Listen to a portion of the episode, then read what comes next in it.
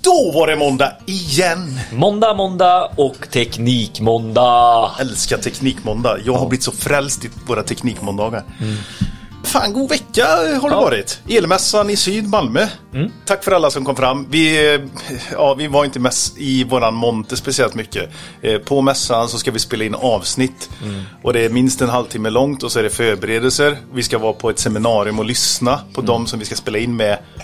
Så det försvann, det försvann ju fyra timmar. Ja, verkligen. Vi försökte verkligen så, så mycket vi kunde vara i montern. Men det är folk som rycker i oss. Vi har inspelningar och, och, och så. Så vi, det är inte, har ni varit där och sökt är förbannade nu.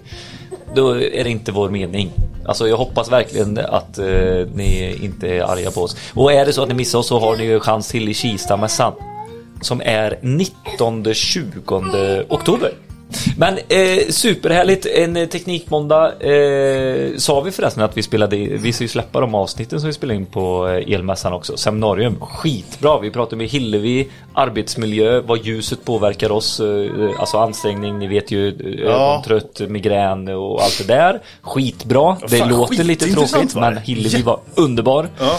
Eh, vi pratade med eh, Ola Karlsson från Också Länsförsäkringar. superintressant. Så här, Ja. Mm. Solcellsinstallationer. Det är bara elektriker som ska göra det. Jajamän. Men och eh, teknikavsnitten, de eh, är ju i samarbete med Trainor och Elvis och där, där händer ju mycket. Elvis uppmanar ju alla att följa dem på Instagram just nu, eller sociala medier, Instagram, Facebook, för de håller ju på med nyheter här Peter. Det händer någonting där. Ja, det händer mycket grejer hela tiden.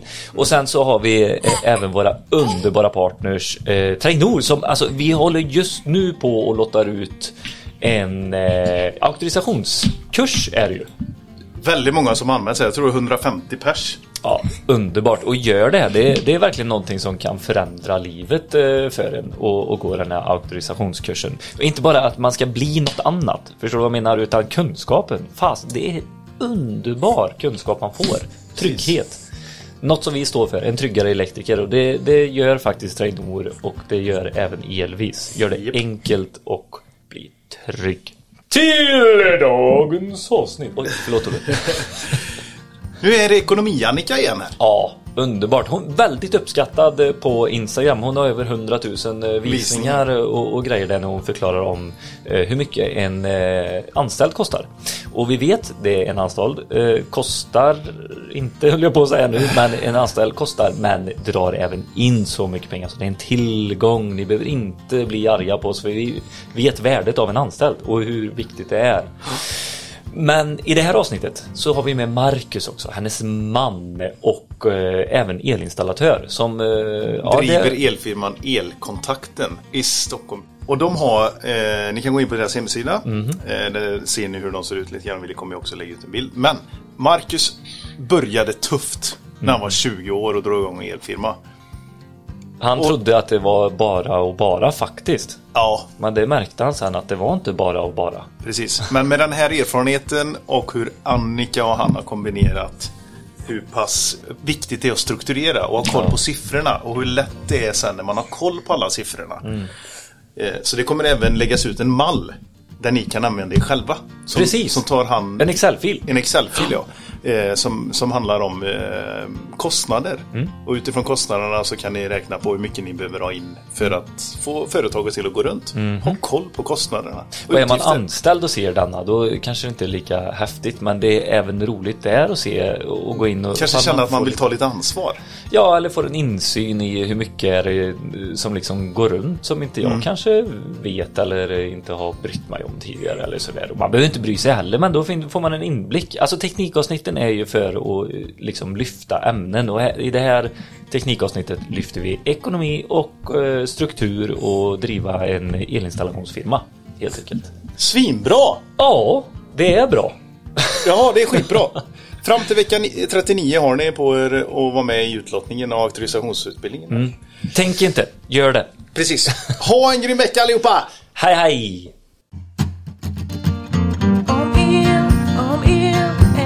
Podd som är om el. Om el, om el, en podd som är för er. Med Billy och Peter, vad kan gå fel? Begränsar bara är vi som podcastar, ja det är ni. Om el. Välkomna tillbaka in i podden, Annika och Marcus. Inte tillbaka till dig Marcus, men i alla fall Annika, våran ekonomista. Ja, tack så mycket. Ekonomista, det låter lite så här. Ekonomista. Det är ett bra namn. Verkligen. Ja. Är det, du är bekväm med det? Ja. Ja, fan vad skönt.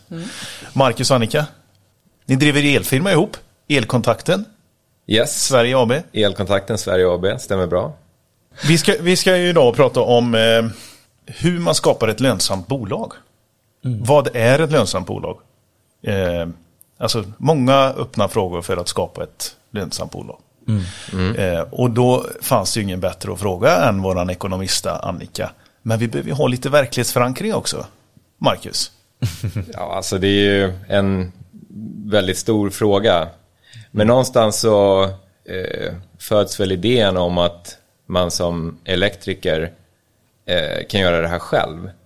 Eh, och mycket bättre. Kanske finns det grejer på firman man är på som är trögt, som inte funkar, som man stör sig på.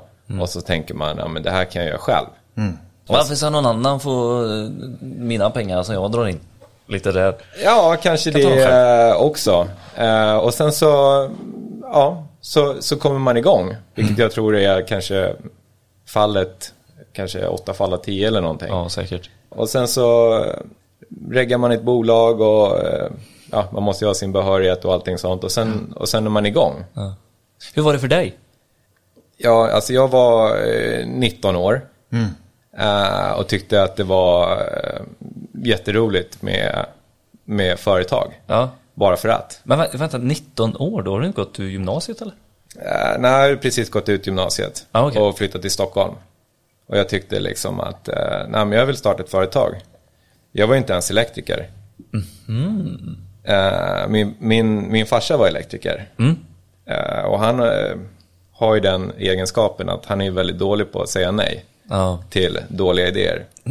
eh, eller vad som helst.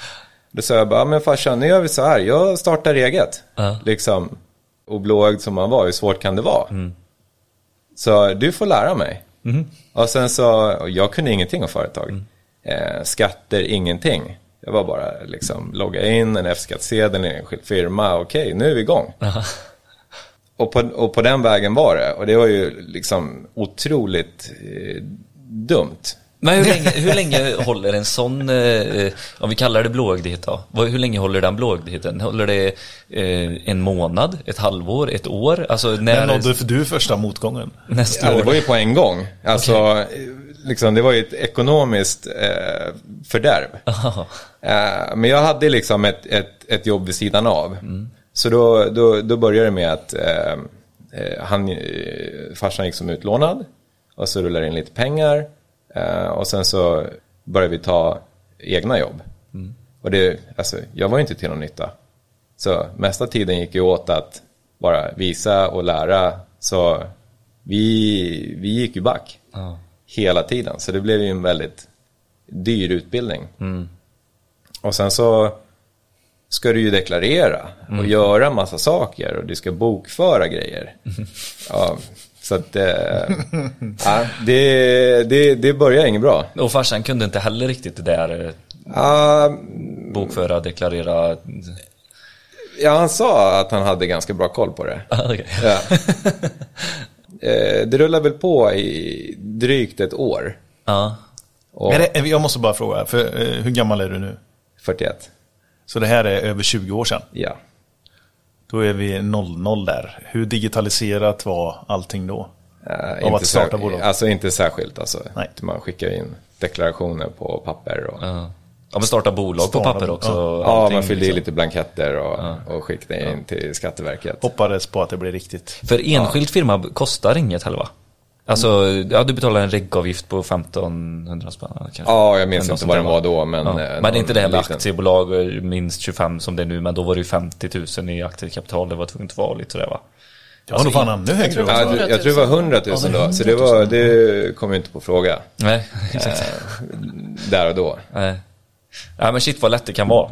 Och det är ju ännu lättare idag att starta eget företag nästan. Ja, det är jättelätt. Två det, klick och 1500 spänn senare typ. Ja, så är man, så är man igång. Ja. fan, det låter ju som en dröm.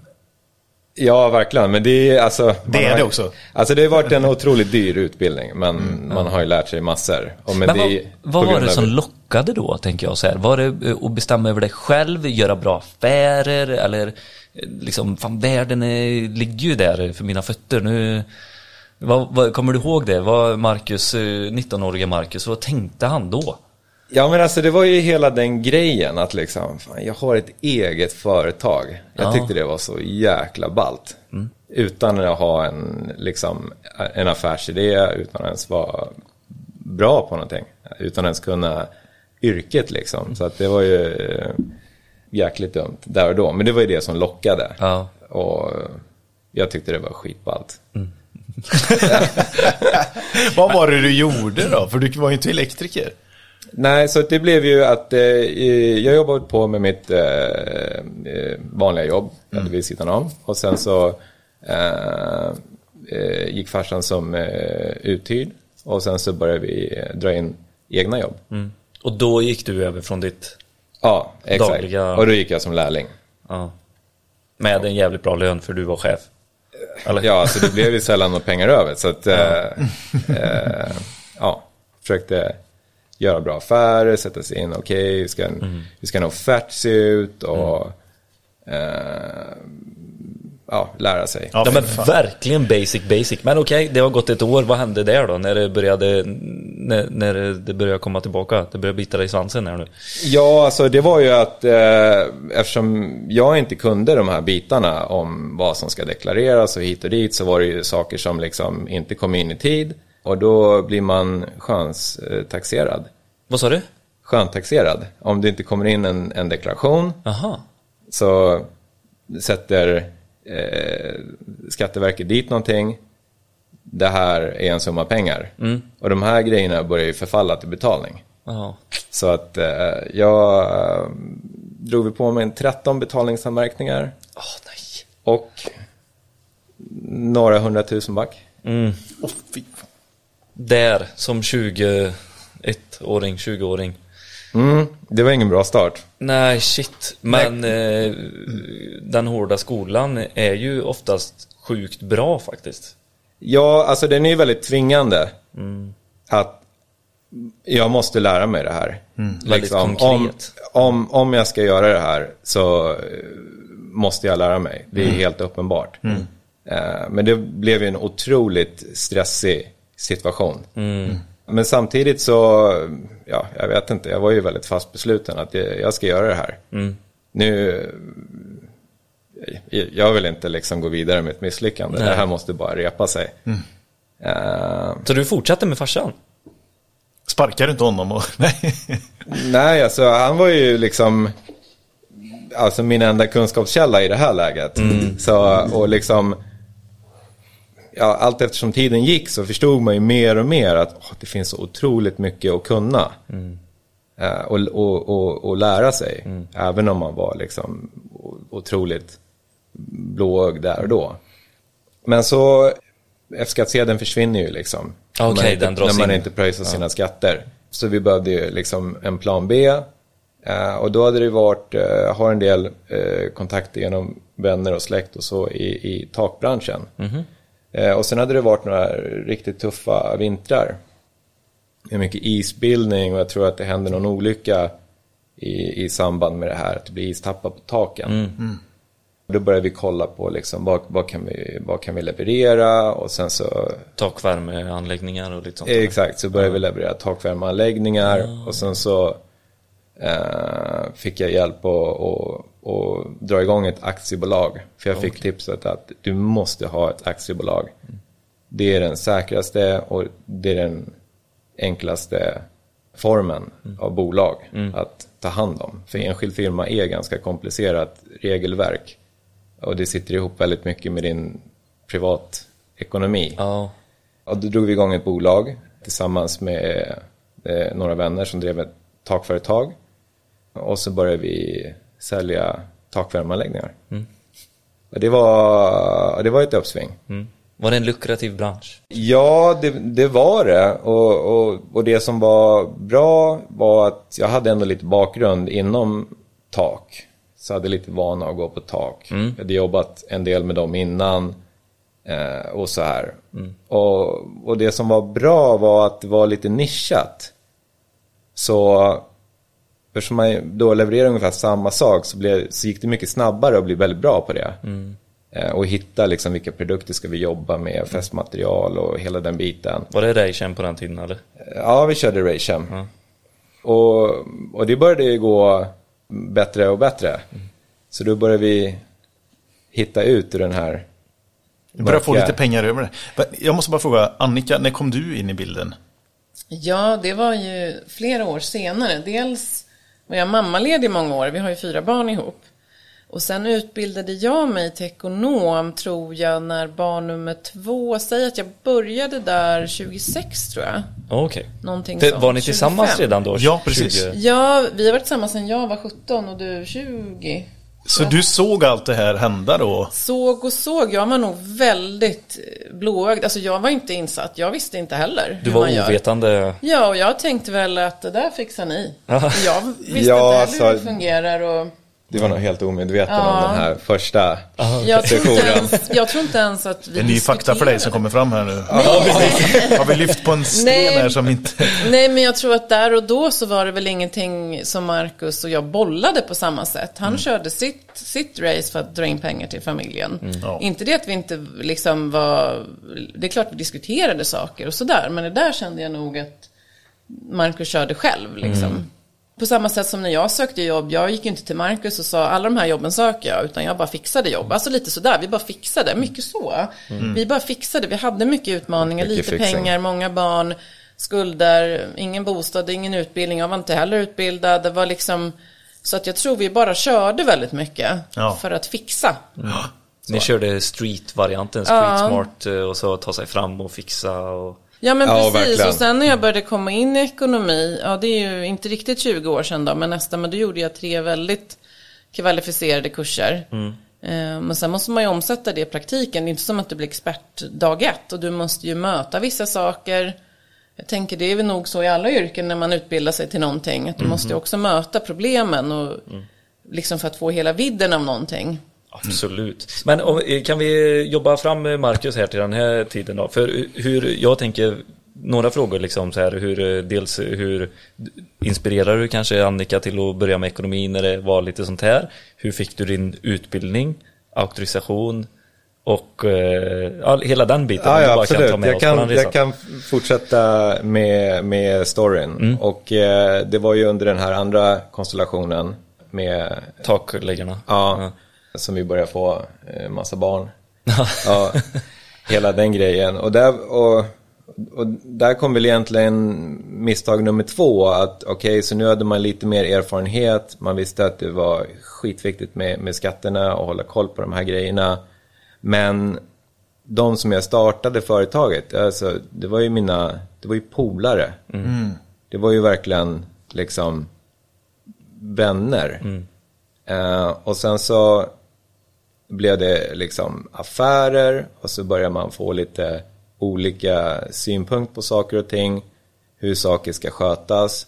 De tyckte det här var jätteviktigt. Jag tyckte liksom, det är väl skitsamma. Kom igen nu. Och så började det liksom dra åt olika håll. Och, och det, där såg man, alltså dels så blev det ju liksom en, en enorm förlust på, eh, på, på vänskapen. För det blev liksom, man bara snackade om de här grejerna och sen såg man olika på saker och ting. Och, och det märktes ganska tydligt eh, i företaget. Att det började gå sämre. Eh, rent ekonomiskt för att man inte var överens. Och det fanns inte någon liksom, väg framåt. Så då började det ju eh, knaka i, i fogarna lite grann där. Om hur, hur vi skulle göra. Och, och där hade ju de också ett eget bolag. Så deras main fokus var ju egentligen det. Och sen så, utan att vi kanske visste det, så gick det ganska dåligt eh, där också. Eh, i, i det bolaget och då tog det mer av uppmärksamheten och liksom alla de här grejerna bottnade ju egentligen i att man hade liksom på tok för bristfällig kunskap inom liksom ekonomin i ett företag. Vad är det som krävs? Eh, budget, planering, hur mycket stålar måste vi ha? Vad kostar reklam? Vad kostar personal? Eh, så, det, så det blev en situation där En konflikt emellan er. Ja, ja en konflikt. Och, och, och, och det tog ju liksom så mycket uppmärksamhet från själva verksamheten och fok- foka på att lösa saker och komma framåt. Så eh, ja, det var en lite jobbig tid som resulterade i att vi, vi, vi delade på oss. Även vänskapsmässigt också eller? Även vänskapsmässigt för det blev Ja det blev upprördheter och du vet lite pajkastning. Ja, men Ja. Det här tog inte du ansvar för, det här är helt ditt fel, det här vill jag ha kompensation för, vice versa. Nej nej, det där var ditt ansvar. Mm, Ja, det, det, det blev eh, väldigt jobbigt och det gick faktiskt ganska många år där vi inte liksom pratade med varandra. Ja. Men med den erfarenheten där Marcus, som du precis har talat upp med lite skatter och eh, vänskapsdelarna i starta bolag och sånt. Kan du ge lite snabba eh, tips och råd eh, för de som kanske är sugna på att starta det där? Att hur kan man göra för att inte få en konflikt och så vidare? Ja men erfarenhetsbaserade råd helt enkelt. Ja, absolut. Alltså, oftast är det ju så att man har liksom en vän eller en polare eller någonting och då är det ju väldigt enkelt att kommunicera. Man kommer överens om saker, man vet vad man har varandra. Men när du startar eh, en verksamhet eller ett företag så är det ett helt annat område. Då börjar man blanda in pengar. Och där är det ju jätteviktigt att man har en rätt partner för det ändamålet. En vänskap är ju liksom mycket viktigare. Vill man verkligen sätta det på spel. Och det är svårt också att separera de här sakerna. Att nu är vi affärspartners. Där måste man ju kunna ställa krav, vara lite tuff. Här är vi vänner. Så, så, så mitt råd är väl att hitta en affärspartner som är en affärspartner. Sen kommer ju antagligen liksom det här, det blir framgångsrikt att man, man blir väldigt tajta Ja precis, det vänner. kommer en vänskap ur det också säkert eh, med ett sånt Abs- absolut, så jag skulle nog liksom tänka på den detaljen. Är den här liksom polaren rätt person i den här verksamheten? Är, är han eller hon vad verksamheten behöver för att komma framåt? Eller är det bara för att jag, jag, jag gillar den här personen så jävla mycket och jag tycker om att vara med den här personen och jobba med den här personen? Det är ju jättepositivt. Ja, det jag kanske- känner också det är viktigt. det är, su- det, är, det är superviktigt, för man vill ju ha liksom roligt på jobbet, man vill skapa med någon som man, som, som man tycker om och ha liksom gemensamma mål. Jag kan lägga till Ja. en grej där, eh, som jag och Billy gjorde. Vi tog hjälp av en, eh, en eh, nära vän till mig och så en affärscoach, eller han är vd på ett bolag. Och så satte vi oss ner och så gjorde vi en eh, plan. Där man lyfter och tittar på saker och ting. Har vi gemensamma mål, målsättningar? Och hur ser vi på det vi håller på att skapa? Och det gjorde vi ju tidigt. Så Ja. av den anledningen så, så gick vi därifrån och liksom hade samma målsättning. Och Ja, såg det på samma sätt. Och det tror jag många kanske glömmer av just när man startar elfirma. För det handlar ju om att ut och göra timmar och dra in eh, pengar liksom. Och Fast det kan fortfarande vara olika, vi har, det, vi har samma Jajamän, klump exakt. här, Ja. men eh, det är olika Någon synvinklar. kanske vill sälja om tio år. Ja. Någon vill eh, behålla det med fem personer. Men då är det viktigt att ha ganska tidigt uträttat och kanske också bestämt tidsmässigt att nu gör vi detta i, i ett år och bygger upp det. Sen tar vi ett nytt möte. Hur, hur känner du för det då? Hur tittar du på bolaget då? Mm. Är det kul? Är det roligt under tiden? Bup, bup. Ja, superklokt. Och också ta upp utmaningar som kan komma längs vägen. Ja. Liksom. Vad gör vi om inte pengar kommer in? Vi Ja. tappar 100 000 på, på en kund. Vad gör vi då? Exakt. Lite sådana här saker. Det är ju verkligen en, en superbra idé och inte stressa fram någonting. För det är stora beslut och det kommer pågå under många, många år. Men det här, eh, eh, partner som du hade där? Ni är polare idag eller har ni gått vidare från varsina håll? Och...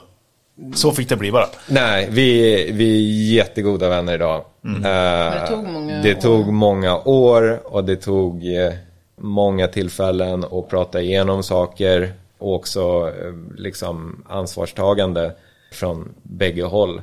Där man har Släppa egot. släppa egot, eh, erkänna fel och också växa och, och bli bättre av de eh, missar som man har, har gjort. Lyfta på locket. Men det går fantastiskt bra för dem och det, det går bra för oss också och vi är väldigt goda vänner idag. Så det är otroligt skönt. Fasen vad härligt. Och jag Ja. tror en förutsättning är ju hur överens man är. Ja. Alltså ju mer överens man är och att man ställer olika scenarion, vad gör vi då? Kommer ju vara grunden till att det går bra. För jag tänker också, det gäller ju också när man driver ett företag som par. För vi har behövt göra vissa ändringar, till exempel att vi inte pratar om företaget vid middagsbordet. Mm. Just det. Eh, Jag har satt in en regel, vi har en hund som vi går ut mycket med. Vi pratar inte om företaget varje gång, för annars blir det bara företag och man förlorar sin relation. Och det är samma sak om man är vänner. Man, om det enda man gör när man ses är att prata företag, till slut så kommer det börja nalla lite på vänskapen för att man tappar det. Så det tror jag är bra grejer. Dels att man har en grundläggande överenskommelse, men också att man tänker på att vi inte bara är affärspartners, vi är vänner eller vi har en relation. Och den regeln om att vi inte pratar om företaget vid middagsbordet eller framför barnen om problem och så. Tyckte jag var väldigt bra. Det är nästan, då bokar ni ett möte. Ja, men typ. Sen blir det ju såklart ibland sådär. Men just de två håller jag mm, hårt på. Inte vid middagen och inte när barnen hör. Och inte bara det när vi är ute och går. Men inte Marcus eller vad menar du? Jo, jo. håller jag på i alla fall. Nej, men jag menar att man kan ju såklart göra det. Men jag tror man måste ha regler och att man måste vara överens. För allt kommer grunda sig i hur överens man är. Vart, eh, vart tar man upp, eh, alltså nu har du fått massa erfarenhet vad det gäller eh, ekonomisk eh, liksom, bakgrund och, och den biten. Men när kommer elutbildningen in och när du märker att fasen här kanske jag behöver sätta mig i skolbänken för att utveckla det? Ja, precis. Eh, och jag menar, när, när vi bröt med dem och, och, och startade eget, det var då vi startade elkontakten. Okej. Och då är vi framme vid, vid 2007 ungefär. Tillsammans ifrån början eller? Du och Annika? Nej. Nej, bara jag. Bara du? Okej, japp. Och det blev ju en, en grej att liksom, alltså jag måste ju ha en utbildning. Det Du här var är det ju- farsan i detta? Ja, han, är, han är med fortfarande. Han är med fortfarande? Ja, Ja. kul. Och, och då har jag ju under de här åren alltid varit ute och, och jobbat. Så jag har ju ändå ganska mycket erfarenhet. Men det blev ju ett problem att jag måste ju ha någon form av dokumenterad utbildning. Det här känns ju inte okej. Så då började jag kolla runt, ringde olika liksom komvux, jag vill läsa in elprogrammet och kunna liksom skicka in mina timmar och få ut mitt liksom certifikat att jag åtminstone är montör. Precis. Och det var ganska svårt. Aha. För att då blev det så här, nej men du kan inte gå komvux för du har gjort en gymnasieutbildning. Ah, okej. Och det, 2000, vad sa du, 7 nu? Ja, ja. Och, så jag har ju gjort samhällsvetenskapliga programmet i, i brist om vad, Vad jag man vill- ville. Vad Ja. man ville. Då blev det liksom, då ska du göra det här.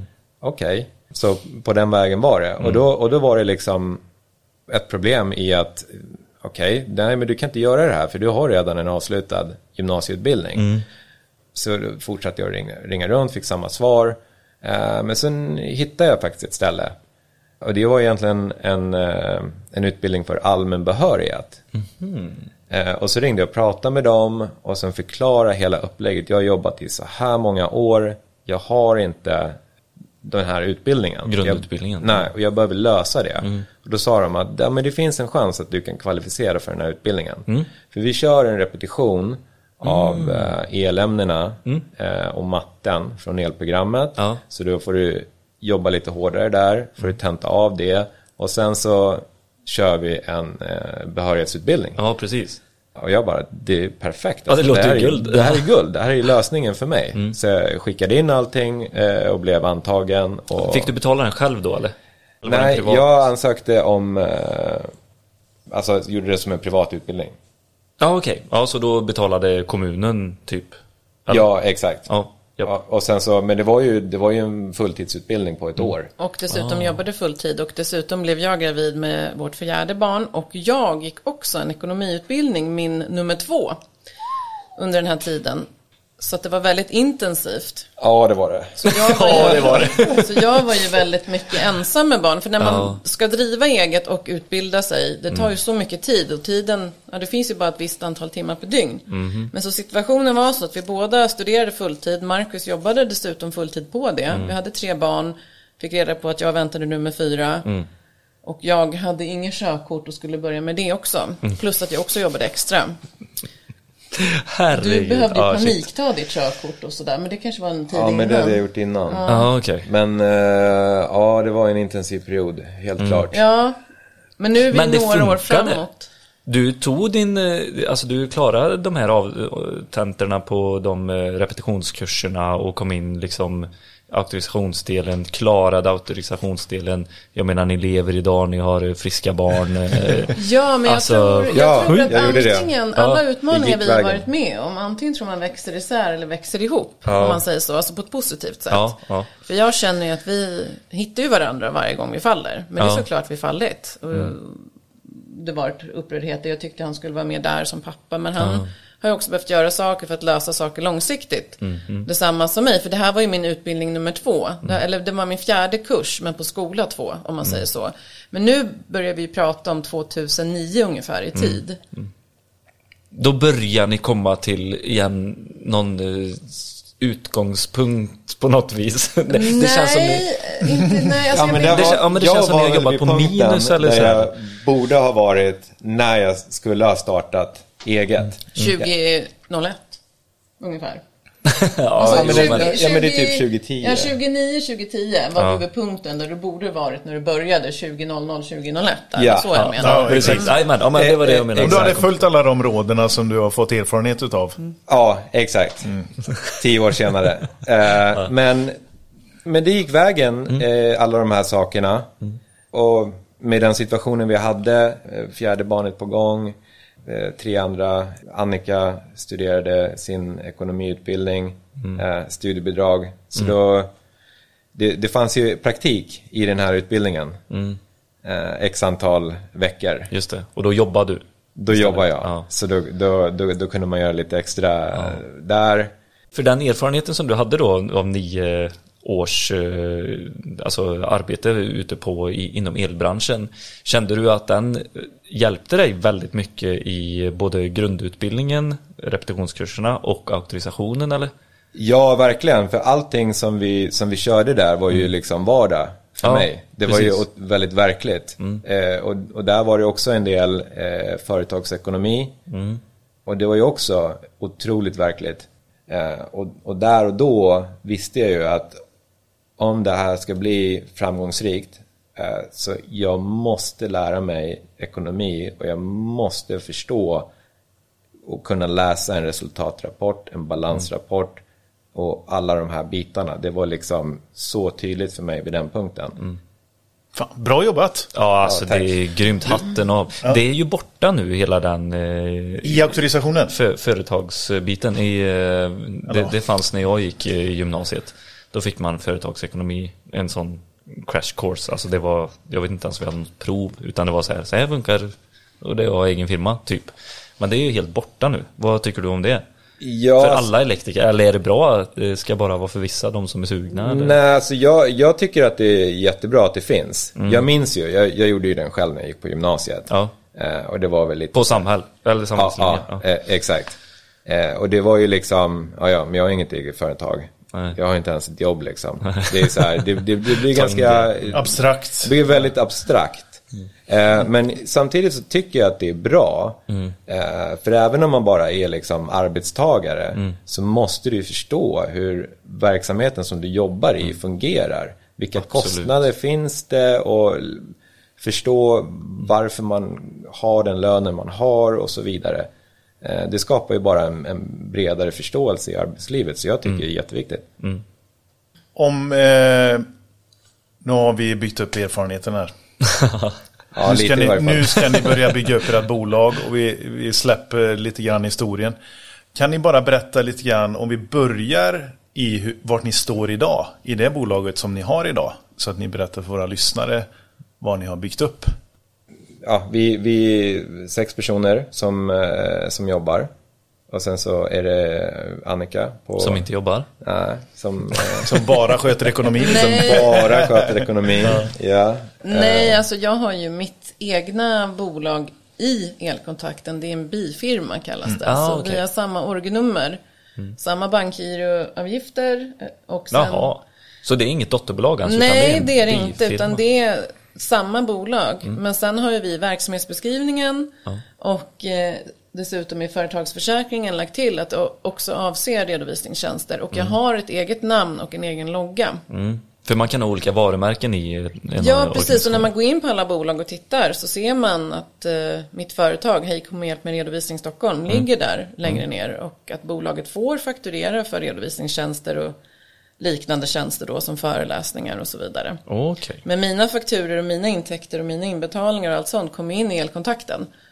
Men då har vi gjort så att i redovisningen så har jag som ett eget projekt ett kostnadsställe så jag kodar allting så att man Mm, Just det. kan ta ut mina intäkter och så vidare och mina kostnader från elkontakten för att lättare kunna se hur elkontakten går och skilja på de här två verksamheterna. Man gör fortfarande samma 1930-konto. Ja, precis. Mm. Exakt. Och sen är det ju också väldigt viktigt att särskilja intäkterna för det finns ju vissa saker man betalar avgifter på i elbranschen som inte ska betalas på mina redovisningstjänster. Okej. Så det är väldigt viktigt att vara, att vara väldigt tydlig. Hålla tungan rätt i mun. Ja, nej, ja precis. Ja, men det är väldigt lätt. Det är bara inställningar. Men det var som jag nämnde förra gången jag var här så har ju vi flera intäktskonton. Ja. Ett för material, ett för tjänster och ett för bilar. Och så- ett för och ett för redovisningstjänster. Då. Berätta mer. Vad, vad är era affärsområden? Är det service, entreprenad eller hur har ni fördelat upp det? Eh, vi kör eh, nästan uteslutande bara eh, service. Privatpersoner?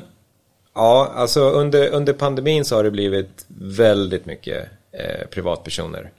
Eh, det börjar ju trappa ner nu till en lite mer normal nivå. Och vad är det?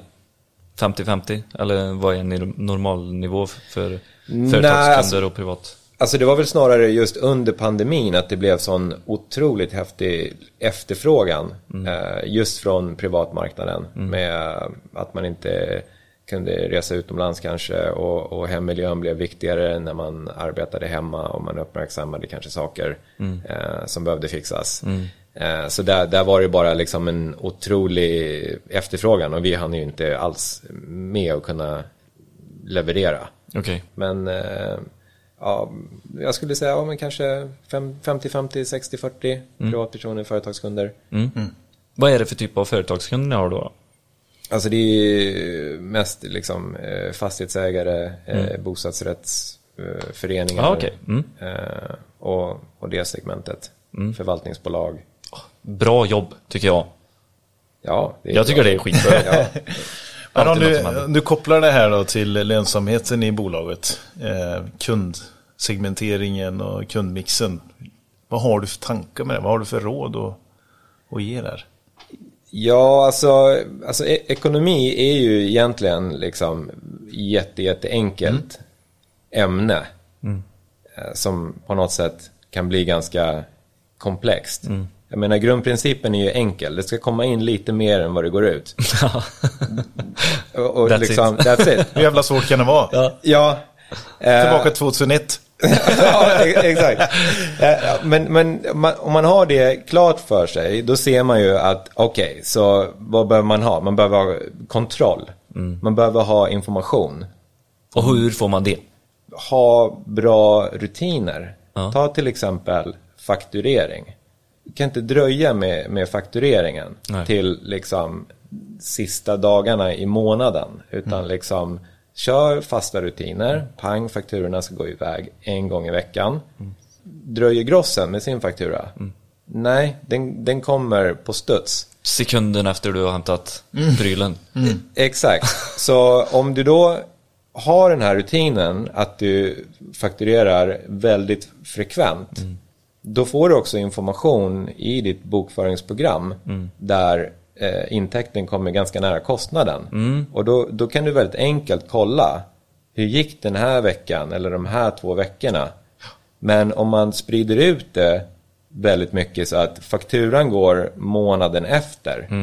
då, då blir det ganska rörigt att, att använda bokföringsprogrammet som ett, som ett verktyg för att kolla hur det går. Sen har jag lyxen av att ha det här inhouse. Ja, men det jag tänkte tillägga. Jag sitter ju och bokför i princip varje dag. Eh, en kvart. För att få allting uppdaterat. Det är ju inte alla som har tillgång till så färska rapporter. Många Eller har råd vänta. med det? Ja, många lämnar ju in. bort det och kanske får vänta. Eh, och då får de ju siffror en månad efter månaden är klar. Och det kanske är för sent i vissa fall. Så jag skulle antingen att man själv, om man lämnar bort det, det skulle kunna vara så enkelt att man har en Excel själv, man fyller i det man har fakturerat och kostnader, alltså bara att man gör väldigt simpelt, men man, att man får direkta siffror. Eller att man gör en överenskommelse med den som gör redovisningen, att dag fem i månaden så vill jag ha mina rapporter för det är så viktigt. Ja. Eller någonting, så att man får snabba siffror. För vad är anledningen om det bär iväg? Alltså, eh, vad är det som händer då? Vad får vi för Ja, effekt men då? säg att du gör en dålig månad. Ehm, men du får, inte, du får säga att februari gick väldigt dåligt. Men du får dina rapporter i början på april. Det är ju lite sent för dig att kanske vidta åtgärder. Det kanske blir ännu sämre. Och du kanske ser av någon anledning, okej det går dåligt för jag har så mycket sjuk personal. Eller jag vet inte vad det kan vara. Det kanske du också har märkt. Men det finns saker du inte har märkt. Du kanske ser, oj vad mycket materialinköp. Och, och vi har inte returnerat. Men då kommer du en, över en månad senare och ser det här problemet. Så därför är det viktigt med snabba siffror, snabba analyser skulle jag vilja säga. Men det är ju såklart om det finns stora avvikelser. Och saker bär iväg som du sa. Men då är jag nyfiken på, för du, som du sa, att eh, fakturera i, eh, alltså, genom en rutin en gång i veckan eller vad det kan vara. Och då ligger det ett bakomliggande program kanske, att man har ett bra program också, ett tips kanske. Det är jätteviktigt att man har liksom hjälpmedel som gör att det blir enkelt. Ja. Vi, vi jobbar med ett, eh, ett, ett orderprogram eh, där eh, montörerna eh, rapporterar tid, eh, materialet kommer in, de gör mindre korrigeringar. Vilka jobbar ni med? Vi jobbar med Minuba. Minuba, ja just det. Minuba är Ja. dansföretag. Okej, så det är också ganska viktigt, eller som företagare, att ha ett program som är din kompis och inte din ovän. Ja, verkligen. För det, det har ju liksom med informationsflödet att göra. För att Precis. Det, och, då, och då måste man ju också arbeta in den rutinen att rapporterna måste göras. Då har jag också en eh, fråga här. Eh, om du inte hade haft Annika så tätt intill dig och kunna bolla och allt det här och för varje gång man ringer sin ekonomiassistent eller hjälp eller så i företag, då kostar det ganska mycket pengar. Om man håller på så mer eller mindre varje dag. Men vad bör man ha, alltså det här som egenföretagare, elinstallatör, det här måste du i alla fall ha koll på själv. Jag, Ja. ja. jag Det tycker jag är tänker intressant. säga en sak. Ja, förstår. okej, japp, kör. det är att du har koll på dina fasta kostnader. Ja. Och estimera dina rörliga kostnader. Man kan alltid estimera. Vad, vad kostar det ish? Så du har klart Mm. Och för dig. högt. Eller? Alltså, ja, precis. Att du har klart för dig. Ungefär så här mycket kostar det varje månad att Mm. driva det här företaget. Och göra en, en sånt snitt. För då vet du vad du måste ha för intäkter för att gå break-even Mm. till exempel. Det skulle jag säga som spontan grej, för det är sant. Det är lite annorlunda för Marcus som har allting via mig så nära och jag kostar ju inga pengar. Och har man inte så, då, Lite eh, kostar det säkert. ja, jo. jo, jag belastar tar en del av min lön. Ja. Eh, tar jag inte på mitt kostnadsställe. Utan det får elkontakten. Det drar ner elkontaktens resultat och inte mitt. En del av min lön. Med all rätt. Du- De Ja. köper ju en tjänst liksom. Ja, men Ja, precis. så- Så, så har vi löst det. Men- Men, men det tycker jag. Ha koll på fasta och rörliga kostnader. Det Ja. tror jag Och det går. Det behöver inte du ha den. Det kan du estimera eller titta på en gammal rapport och därifrån få vad det ungefär är. Vad hyran är, telefoner, arbetskläder och ha så. Kostnadskostymen. Ja, Ja. så skulle jag säga. Men, men, men det gör vi som en budget eller en finansiell planering. Att om du tar ett, ett år. Eh, många kostnader kommer ju inte regelbundet hela tiden. Nej. Eh, men vad vi gör då är att vi liksom tar alla utgifter och alla kostnader. Ta till exempel, du har ett AB, du har en revisor. Han skickar sin faktura i slutet av året. Precis. Ja, men säg att den är på 24 000. Okej, vad blir det per månad? Det blir två. Så då skriver vi ner den. Okej, så reparationer på den här bilen, den är lite äldre, vad kan vi räkna med? Eh, vi kan räkna med 12 000. Då kostar det 1000 spänn i månaden. Så gör du alla de här stegen, eh, då kommer du se vad du har för snitt per månad eller kanske till och med per vecka. Då kommer du få en siffra att förhålla dig till. Eller? förhålla dig till. Eh, är du över den, då är det plus. Är du under den, då måste vi ändra på någonting. Det är inte svårare. Det, nej, exakt. För en, ett väldigt bra tips är att för att någonting ska funka och vara användbart Ja. så bör det vara enkelt. Det får inte bli för komplext för då kommer man inte göra det. Eh, och då är det inte längre någon fördel. Nej. Så du behöver, alltså med det här tipset som du säger nu, alltså sätt dig ner, papper, Excel, Word. Men det har ju inget med de här bokförings eller skattetekniska, utan där är plus och minus egentligen. eh, Det, det är rakt plus och upp minus. ner. Och det ska du kunna göra som egenföretagare liksom. Du ska ha den kontrollen. Ja, det tycker jag det också. tipset? eh, Och sen så finns det vissa kostnader som är jättesvåra, typ reparationer bilar Ja. eller att budgetera för sjuk personal. Det är, ju, det är ju skrivet i himlen vad det blir. Men jag tror man måste ha med det i sin kalkyl, tyvärr. För annars står du där och har ingenting ifall du inte budgeterat för eventuella reparationer och sjukdom som kostar väldigt mycket. Så du måste ha, tyvärr, en budget för det här också och ha med det i din... Efter som vi säljer timmar i våran bransch så är det ju otroligt viktigt. Jo. Fakturering då? Ska du alltid kunna fakturera själv eh, som egenföretagare eller ska du lägga över det på din eh, ekonomi? Alltså jag, jag tycker att det är enklare att, att, att göra själv. Eftersom man har koll på offerten eller ordern och, och, och sådär. Och, och det, det är så pass enkelt med de systemen som finns. Eh, och det tror jag minimerar risken för att det blir fel. Annars så ska du göra ett underlag Precis. som du sen ska skicka till någon annan. Då känns det ju, då är det lika bra eh, att göra eh, fakturan. Har du inte investerat i ett digitalt eh, affärssystem där så gör det. Ja, absolut. Eh, Jag fakturerar ju ett tag men det blir så mycket frågor för att Marcus kan ju i sitt huvud veta där ska vi skriva upp eller skriva ner tiden och Precis. det där bjöd vi på, det där är fel. Och ibland kan också tyvärr vissa materialbitar eh, hamna i fel pris. Och jag har ju ingen aning, jag förstår ju inte ens vad produkterna är och där i en säkerhetstänk så är det bättre att Marcus, han måste ändå alltid titta. Så att eh, vi gör så att Marcus gör elfakturorna och jag gör mina fakturor faktiskt. Det låter väl eh, sunt? Ja, jag tycker Ja, det det har- funkar. Och det har sen, funkat men sen bäst. gör rotansökningar och svarar på Ja. frågor. Eller... Ja men då blir det lite de här skattetekniska, Ja, men- bokförings... Alltså det, man behöver inte... Men det- där har jag också en fråga då. Eh, på arbetstid eller utanför arbetstid som egenföretagare? När ska jag fakturera? Ja, alltså det blir ju, det blir ju ibland eh, kvällar och Det blir lördag, jämnt. Jämnt. månader. Men det är, no, det är någonting som vi faktiskt har jobbat på eh, under den här våren. Att Mm. vi, vi, vi måste få in det i, liksom, i våran arbetsvecka. Mm. Och, och, och liksom, för, för det blir också en, som en dold kostnad. Ja, För då exakt. jobbar man gratis. Eh, och skulle man anställa någon annan för att göra det här så kommer den personen vilja ha betalt.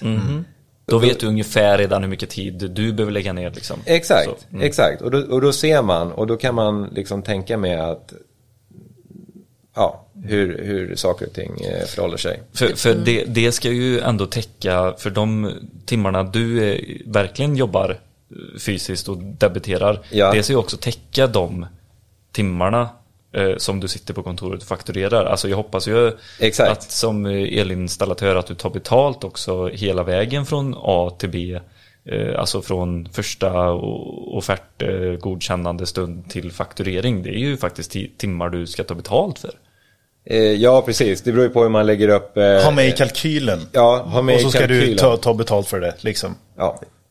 Plus att jag tänker också eh, det här med att sitta på lördagmorgnar, sina kvällar, allting. Det kan vara lite stressigt, det kan bli lite fel, det kan bli... Alltså sätter du...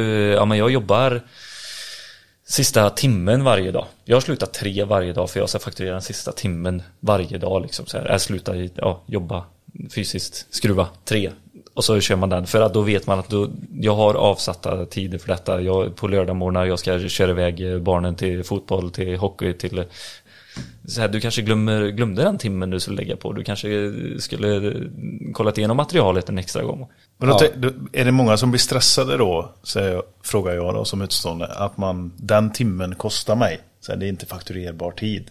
Hur kan jag skapa mig förutsättningar för att ta igen de timmarna som jag lägger på detta? Eh, ska jag lägga det om I jag kostnadskostymen, Har, om, ja, precis. Alltså, har jag 550 kronor i timmen så tar jag som chef när jag fakturerar mina timmar tar jag 560 kronor i timmen. För att Alltså hela den här grejen är en del av liksom, den finansiella planeringen, själva budgeten. För någonting som du måste ha med där är din vinst. Vad bolaget ska generera i vinst. Precis. Ofta så har man ju kanske synpunkten att vi får se vad som blir över. Oftast nästan Det är ganska... eh, och, och, och, och faktum är att liksom, för att bolag gör vinst, det är en absolut nödvändighet för att bolaget ska fortsätta att existera. Och ett smart sätt är att betrakta vinsten som en, som en räkning. Du betalar dig själv. Precis. Det här är bolagets pengar som måste finnas där.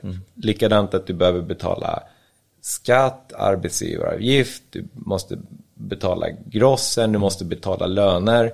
Och med i den här planeringen är att jag måste betala vinst. Precis. Så lägg med det som en post. Lägg med det som en post och då ser du det här.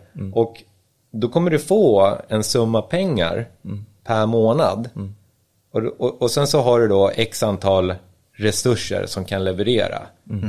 Och, och, då, och då kan du plussa liksom, vi kan leverera så här många timmar på en månad. Då kommer du börja se vad du måste dra in per gubbe i timmen. Då blir saker och ting väldigt verkligt när du sitter och räknar på jobb och du behöver inte fundera så mycket på går det bra eller går det inte bra? Ligger vi på den här summa pengar per timme eller inte? Precis. Eh, Och det hänger ju ihop med, det ska du ändå göra ju Annika, F-skatten. Den ska du ju lägga, då blir ju det den budgeterade delen också av vinsten. Ja, jag tror Marcus var ute efter där att, för vinsten betalar man ju till sig själv kan man säga. Det blir ju Skulden. måste ju skatta på den. Ja, Ja, absolut. Ja, du måste lite ju ha en estimerad Ja, det, är eh, många, det är många eh, som missar F-skatten ja. Alltså Ja. att man ska betala vinst ja. Precis, om det var det. Det var det jag menade. Ja, Så du får med den Automatiskt. fel eh, Ja men ord. så är det ju. Att man, man, ja, att man, eh, bra tänkt där. Det är jättevanligt tyvärr att man missar och tänka på att av den här vinsten så tror man att jag får allt. Nej, för du ska skatta 20,6% i vinstskatt. Precis. Och då, det är ju skitsvårt eh, att eh, säga så här mycket ska jag gå i vinst och därför ska jag betala så här mycket F-skatt varje månad. Men sätter man den i sin budget och har sitt mål, då har man ju det. Och då vet jag vad jag ska betala i F-skatt. Precis.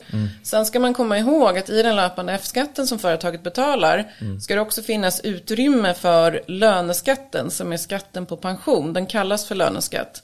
Alla pensionskostnader som företaget betalar, Fora skulle jag nog vilja påstå att nästan alla elfirmor har som en ko- en kostnad. Och pensionsdelen på Fora ska ju betalas löneskatt på 24,26 procent. Så i den löpande F-skatten företaget betalar så ska vinstskatten vara med men också utrymme för den här löneskatten som är 24,26 procent av pensionskostnaderna. Vi fortsätter.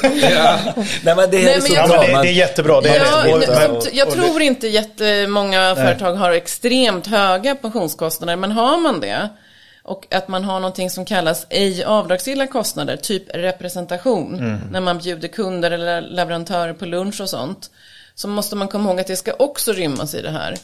Men det skulle jag kanske inte oroa mig så mycket för om jag var elfirma. För vi bjuder ju inte folk på lunch och middagar kors och tvärs för flera, flera, flera Det brukar vara tvärtom. Ja, vi ska Ja. bli bjudna. så där måste vi nästan titta på vad estimerar vi i vinst och vad har vi i pensionskostnader. Det måste man faktiskt tänka på. För annars får du en skatteskuld som kanske är för stor för dig att bära. Vad är, är det, vad är vanlig procentsats av din lön som är pensions... Det finns Ja, ju men en det är sån, va? inte, eh, alltså, Som är typ avtalad från elektrikern. El, alltså eh, SEF-elektrikerna. Alltså det finns väl en del som är liksom inbakad i, dem, eh, i arbetsgivar, arbetsgivaravgiften. ja. men den betalar man ju ingenting på. Nej. Alltså den är ju helt Nej, den, eh, men sen finns det ju en avtalad del i Ja. installationsavtalet. Och den är... Kan ni Jag det? bollar över till Annika. Nej, jag kan inte den utan till, men det är en viss procent. Och Fora Ja, precis. Men är det räknar typ ut det så fem, fint. eller? Ja, jag, jag för mig att det är fem. Fyra, Fyra. komma någonting, nästan fem va? Ja. Ja. Ah! Den Men är det Ja. står fint på fakturorna från Fora vad som är pension. Och Ja. är man osäker, ring Fora och fråga vad är vad. För det är mycket bättre att ringa och fråga om man är osäker. Men den ska ha löneskatt och det är en kostnad och det är en skuld. Precis, du har etablerat ett ord här nu, Marcus. Finansiell planering. Det kanske inte alla är så bekanta med. Nej, så precis. fortsätt gärna förklara mer hur ni använder er av den eh, i ert bolag. Ja, och det är ett verktyg som jag eh, använder där jag skriver ner alla, alla kostnader. Det bara liksom plussar ihop allting och sen så dividerar med så kan man se per månad, per vecka, kvartal, eh, whatever. Men det blir liksom väldigt bra. För annars så kan det bli så här att man gör misstaget att man går in och kollar på kontot. På företagskontot. För att få en uppfattning om hur det går. Där kanske du har kvartalsmoms. Så det ligger jättemycket momspengar där. Och så börjar man bara, åh shit, fan, vi har ganska mycket pengar. Och så börjar man liksom fundera på inköp och ja, men då har vi råd med det här och det här och det här. Så går man och köper det. Så åker man och köper det eller så funtar man på, ah men du, jag kanske ska byta bil. Och så gör man de här im- impulsiva grejerna. Men istället, gå inte in på, på bankkontot. Det är liksom ganska ointressant. För där rullar in och det rullar ut. Så Vart jag- ska man gå då? Jag går till min finansiella planering och där har jag satt upp om jag till exempel har en verktygspost. Vi ska köpa verktyg för 25 000. Och sen får jag då det här snittet att jag måste lägga undan så här mycket pengar. Jag måste ha så här mycket pengar varje månad för att kunna göra de här inköpen. Och sen när man kommer till en situation, vi behöver ha det här. Då finns utrymmet där. Du behöver inte gå in på kontot och kolla. Utan eh, Det är med i planeringen. det är med i planeringen. Det, det, det sköter sig självt. Och då ligger man liksom hela tiden i, i framkant. Och sen ytterligare ett perspektiv är ju också att man har satt sina eh, mål för hur, hur stor, man, hur, mycket ska vi, hur mycket tillväxt ska vi ha. Och där kan ju styras av liksom, helt plötsligt får man in väldigt mycket jobb. Eh, och där måste man ju också förstå att det kostar pengar Och anställa. Och, och anställa. Så, och, och det är också en, en, en utmaning att se, liksom, okej, ska vi hyra in arbetskraft som ser kanske dyrt ut eh, för att klara den här toppen eller ska vi anställa en person? För att du ska kunna anställa en person så har du hela rekryteringsprocessen och det kommer ta tid att intervjua folk och hitta rätt kandidat. Och all- Fokus, energi. Ja. fokus, Ja, energi. är det verktyg, det är kläder, det är bil, det är... Ja, precis. Det var det jag skulle komma till att jag räknar med ungefär att du behöver för att kunna stoppa in en gubbe i verksamheten så behöver du ungefär 100 000 i, i rörelsekapital. Rörelsekapital betyder pengar som verksamheten behöver för att bara eh, fungera. Du kanske behöver pröjsa en lön innan du har fått en intäkt. Precis. Eh, den typen av pengar som behövs för att det ska fungera utan att eh, man eh, stressar sönder. Jag tänkte bara säga som en input till finansiell planering är ju faktiskt att man måste kolla på bankkontot för att kunna göra en likviditetsplanering. Likviditet är ett företags förmåga att på kort sikt betala sina skulder. Det är hur mycket cash har du på kontot? Hur mycket kundfordringar har du? Och här kommer nästa grej. I de här kundfordringarna, kommer du få dem inbetalt? Är det någon som är osäker? För du måste ha lite hum, kommer jag klara av cashen?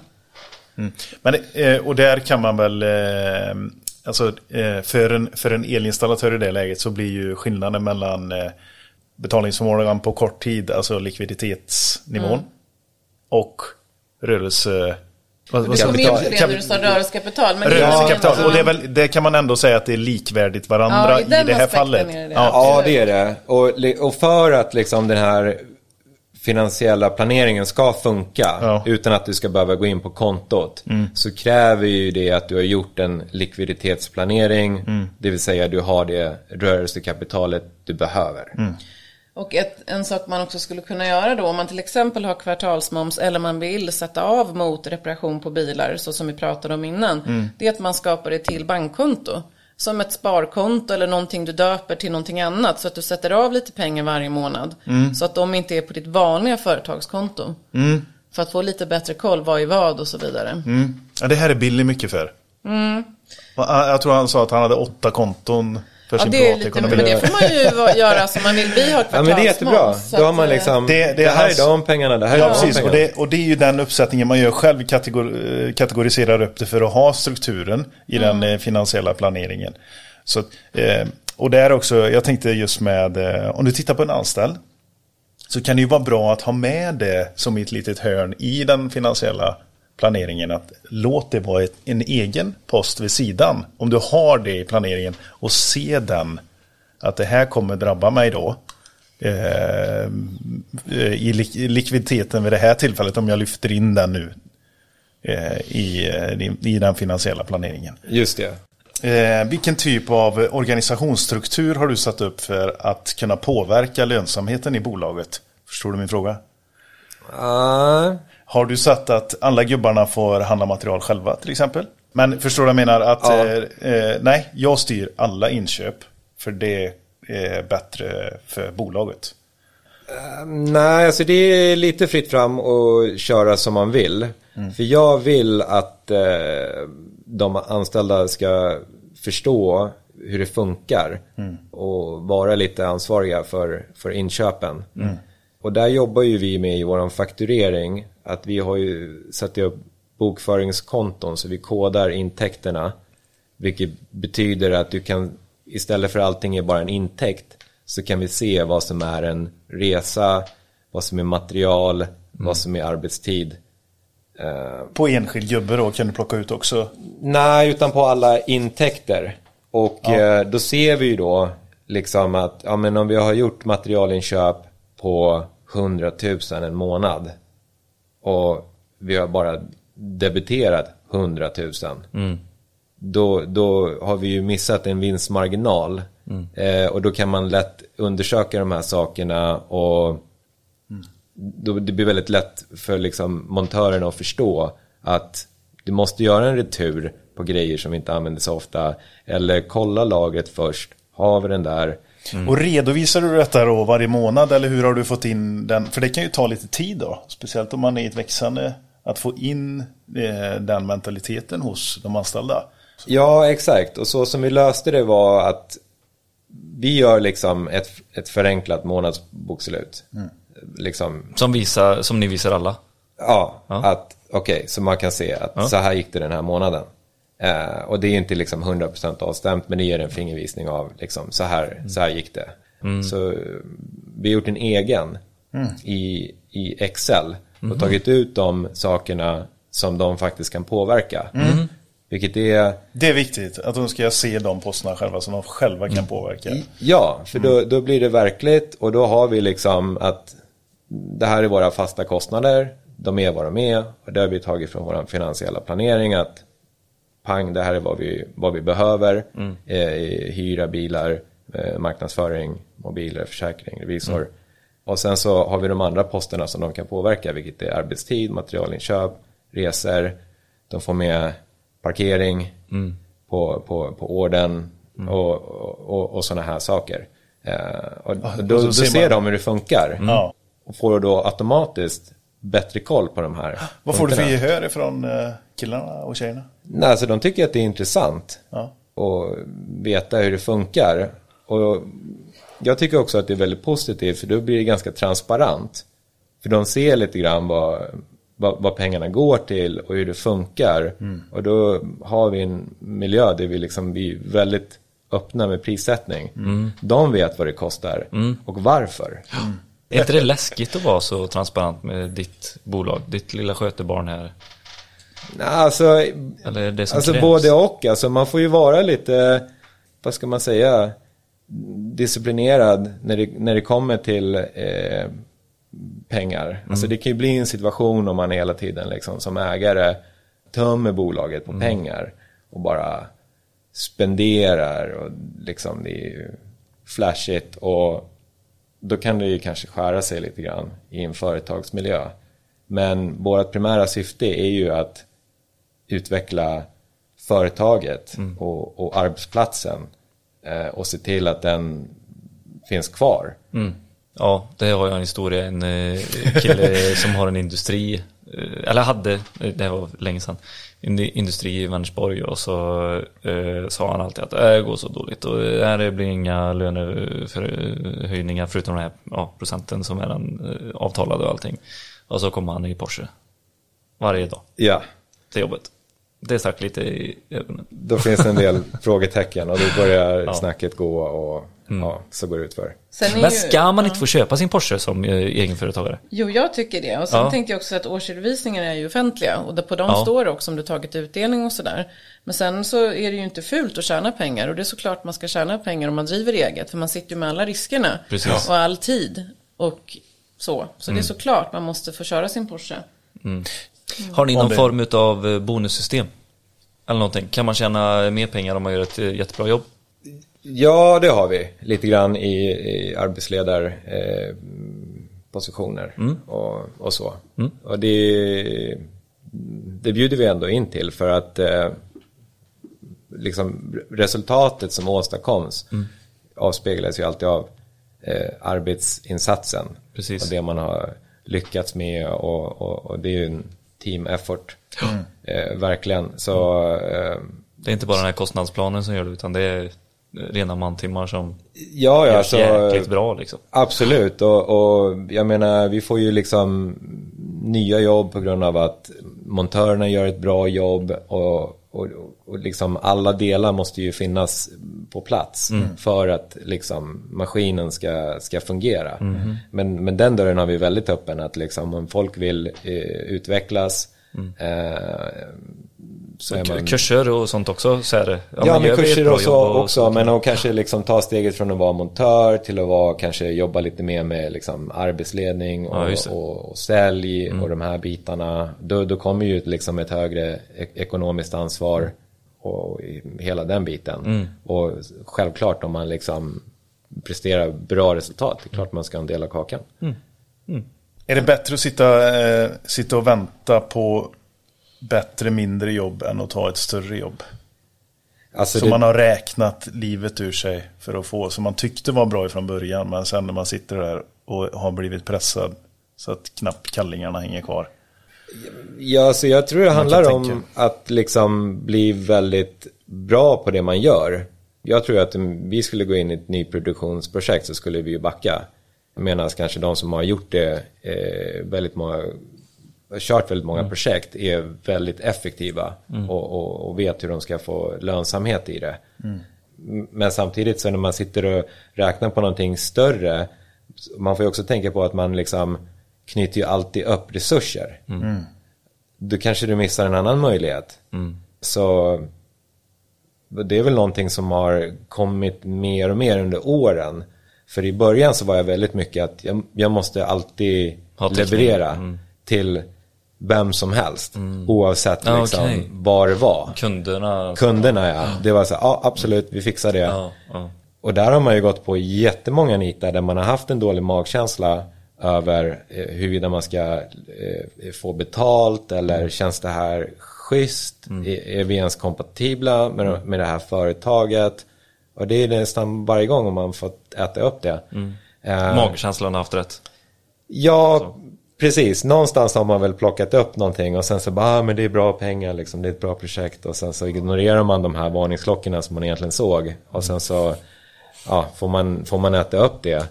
Eh, jag menar, nu, nu, nu kan man ju vara lite mer, okej, är, är det här ett bra jobb för oss? Är vi ens bra på det här?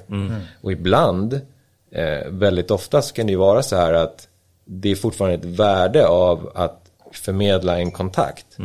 Att till exempel någon frågar om, ja, whatever, kanske någonting som är lite mer så här styrd och reglerad eller någonting. precis. Och bara säga liksom att nej, vi, vi är inte världsbäst på det. Men vi har en firma som är jätteduktiga, ni kan ringa till dem. Och då kan man kombinera med att ni drar kabel, alltså det, det här biten och de kör den sista. Nej, men in, alltså, inte så att man tänker, ja men då kommer vi tappa den här kunden. Men du har ju ändå levererat ett värde till den här kunden. Och kunden fick problemet löst. Så jag tror sannolikheten att den här personen ringer tillbaka till dig med ett jobb som du gör är ganska hög. För du, man blir liksom the go-to person för du löste problemet. Så mm, jag tror också att man ska vara lite selektiv i vad man tar sig an.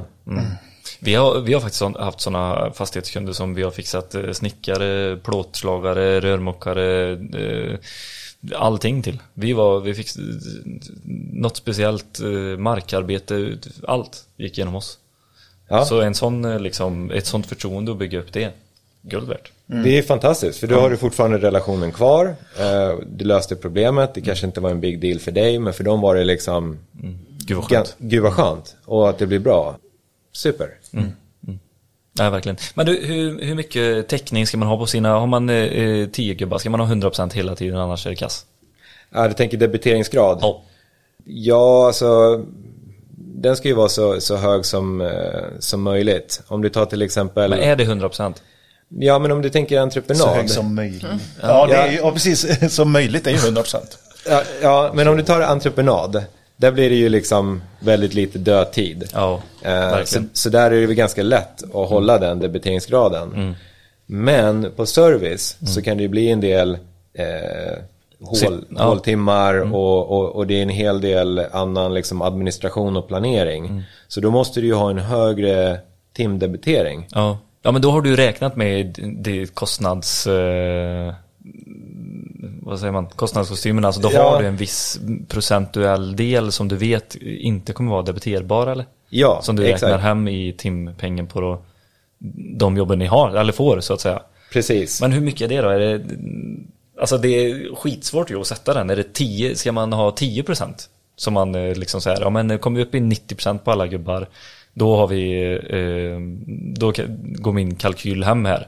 Och är det 100 då går det jäkligt bra. Mm. Ja, där, där tänker man ju att det, alltså du kommer inte få 100% debiterbar tid för det, det ska liksom administreras med ordrar, det är liksom sophantering, det ska städas bilar och det ska preppas grejer. Vad vi har gjort för att kompensera för den här tiden är att vi har en liksom högre kostnad på de första timmarna. Mm, okej. Som en form av liksom etableringskostnad Ah, okej. startdebitering. För att kunna hantera de här sakerna. Det var ju sjukt smart. Ja, så att snittet ändå blir des, detsamma. Ja, ja. Ja, fattar. Och så blir det ett eh, längre eller större jobb så flyter den vanliga, vanliga timpengen på liksom så här som, ja. Ja. Sjukt smart ju. Eh, Men hur stor, är den dubbelt så stor? Alltså, alltså den, den är nog 50% upp tror jag. Ja, okej. Mm. Eh, Mot den normala timtaxan. Skitsmart ju. Per de första timmarna. Så du får in en extra timme ungefär. Ja. Och, då, och då har du tid för att göra de här sakerna. Utan att det liksom skaver i kundens ögon eller det här är, bara, ah, du var inte här de här sju timmarna som du har skrivit. Bara, nej men det var, jag hämtade ju material, jag städade, slängde ditt, eh, din gamla eh, armatur som du hade, alltså lite sådana där saker. Det kan ju vara lite småskavigt ibland med privatkunder. Ja, verkligen. Ja, den tiden jag ser dig på plats är den jag tänker betala för. Ja, det är den Typ så. vanliga. Och där har vi ju faktiskt eh, skrivit in i våra allmänna villkor att Ja. gjort som en definition. Mhm. Arbetstid är. Mm. Och, och då är det ju materialinköp, resa till arbetsplatsen, Ja. arbete på plats, administration av, eh, av, av order. Orderhantering, ja. Ja. Hantering Det står det i eh, kontraktet mot det är det med fakturan på baksidan? Hur, är det en policy? Nej, det- Köper ni våran tjänst så är det enligt detta? Alltså hur redovisar du det mot kunden? Alltså det, det står i, i, i offerten. Okej, eh, ja. när, de, när de ska beställa jobbet. Mm. Ja, nej det där är intressant. Sjukt intressant. Mm. Men eh, fasen vad kul, alltså vi skulle kunna sitta och, gå ner på detaljnivå så här. eh, Ja, jag känner det. väldigt Det är länge, jätteroligt Ja, men det är att prata kul. och så kommer man på grejer. Just det, det där Ja. och det där. Man har hållit på ett tag. Ja precis, ja men och du har ju sån sjuk erfarenhet och det vet vi ju nu varför. Eh, alltså erfarenhet, eh, man bygger ju på det genom att göra saker och så gör man misstag. Och erfarenheten blir ju någonstans att kanske inte göra samma misstag igen då. Men misstag kommer alltid göras och det Ja. behöver man inte vara rädd för. Alltså det, man måste fortsätta kämpa där, inte lägga sig ner och ja, gråta kan man göra, men dö i alla fall. Ner och dö, det ska man inte göra. Lär er av misstagen. Ja, man kan Är gråta du en liten stund och sen så får man tänka att eh, okej, så hur kan jag vända det här till någonting Precis. positivt eh, i, i framtiden? Mm. Och så växer man. Är du skuldfri då, eller hur lång tid tog det att betala av de här äh, tråkiga läropengarna i början där? Alltså det, det tog ändå ganska många år i och med att vi hade liksom en, en växande familj. Mm, Eh, det kostar pengar men ja, jag är skuldfri då. Yes. Fan vad skönt. Ja. Innan jag glömmer av det så vill jag bara rekommendera gå in på och, er hemsida elinstallation.nu. Där har ni, ni, har, ni har gjort en del bra saker där. Som En jag del. vill. Inte Ja. allt, en del. Ja, det finns, det, alltså, det, det finns- finns, men det finns- utrymme för förbättring, helt klart. Ja, det men- finns det. Ja, men det, det finns det. Men det finns några bra saker där. Det första ni kommer till eh, som ni kan klicka på är begär offert. Och så tittar ni lite grann på vad, vad ni, hur ni har utformat det formuläret. Gå in och kika bara. Jag bara nämner det. Så jag inte glömmer av det. Eh, Annika stack iväg här nu, men Marcus. Grymt kul att du var med och vi kommer få anledning, som med många andra, att återkomma. Och ha det här som en liten eh, take tillsammans med er. Ja, vad kul. Fantastiskt kul att vara med. Ni blir våran, vårat ekonomiplank.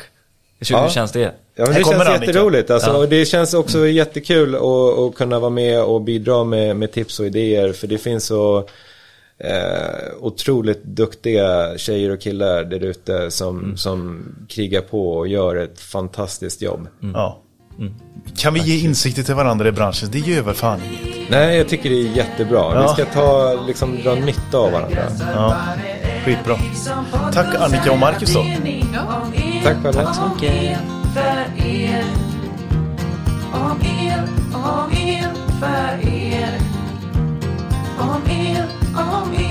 but yeah